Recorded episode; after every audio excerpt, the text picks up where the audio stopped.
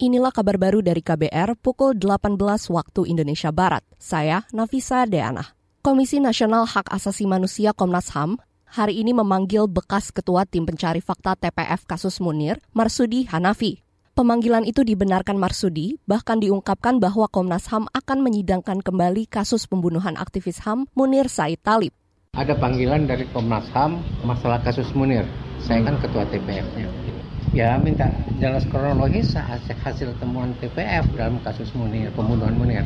Bekas Ketua Tim Pencari Fakta TPF kasus Munir Marsudi Hanafi juga mengatakan, persidangan akan kembali dilaksanakan lantaran kasus Munir masuk pelanggaran HAM berat.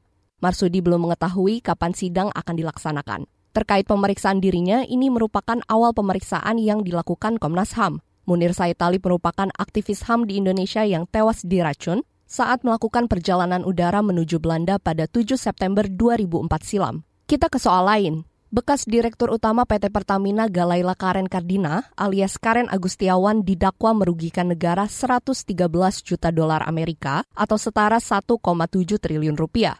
Karen didakwa atas kasus dugaan korupsi terkait pembelian gas alam cair. Dakwaan jaksa penuntut umum dibacakan dalam sidang di Pengadilan Tipikor Jakarta Pusat hari ini. Selain didakwa merugikan negara, Karen juga didakwa memperkaya diri sendiri sebesar 1 miliar rupiah lebih.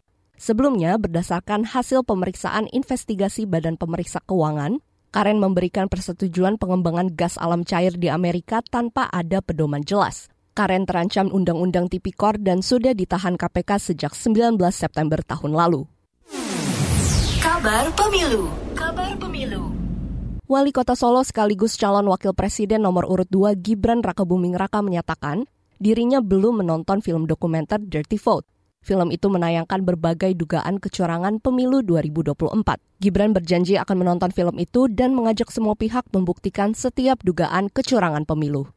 Wali Kota Solo sekaligus calon wakil presiden nomor urut 2 Gibran Raka Buming Raka merespon munculnya film dokumenter yang berjudul Dirty Vote. Film ini berisi dugaan kecurangan dalam pemilu 2024. Eh, saya belum nonton, nih, makasih ya Tapi, untuk masukannya. Dari beberapa yang ditampilkan banyak mengarah ke kecurangan 02. Ya kalau ada kecurangan silahkan nanti dibuktikan, dilaporkan sih. Ya.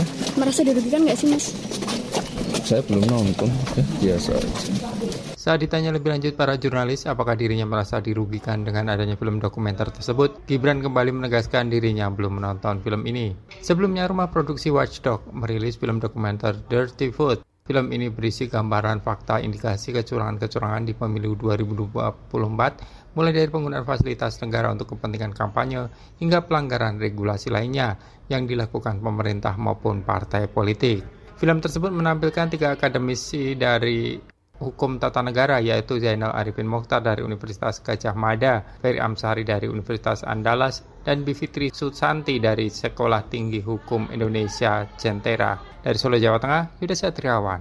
Demikian kabar baru dari KBR, saya Nafisa Deana.